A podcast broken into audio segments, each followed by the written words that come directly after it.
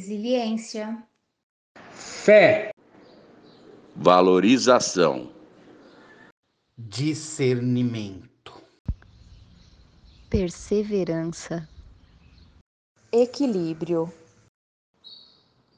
paciência, empatia, amor, Deus, gratidão, sabedoria, paz, esperança, motivação, ações. Até breve, queridos amigos.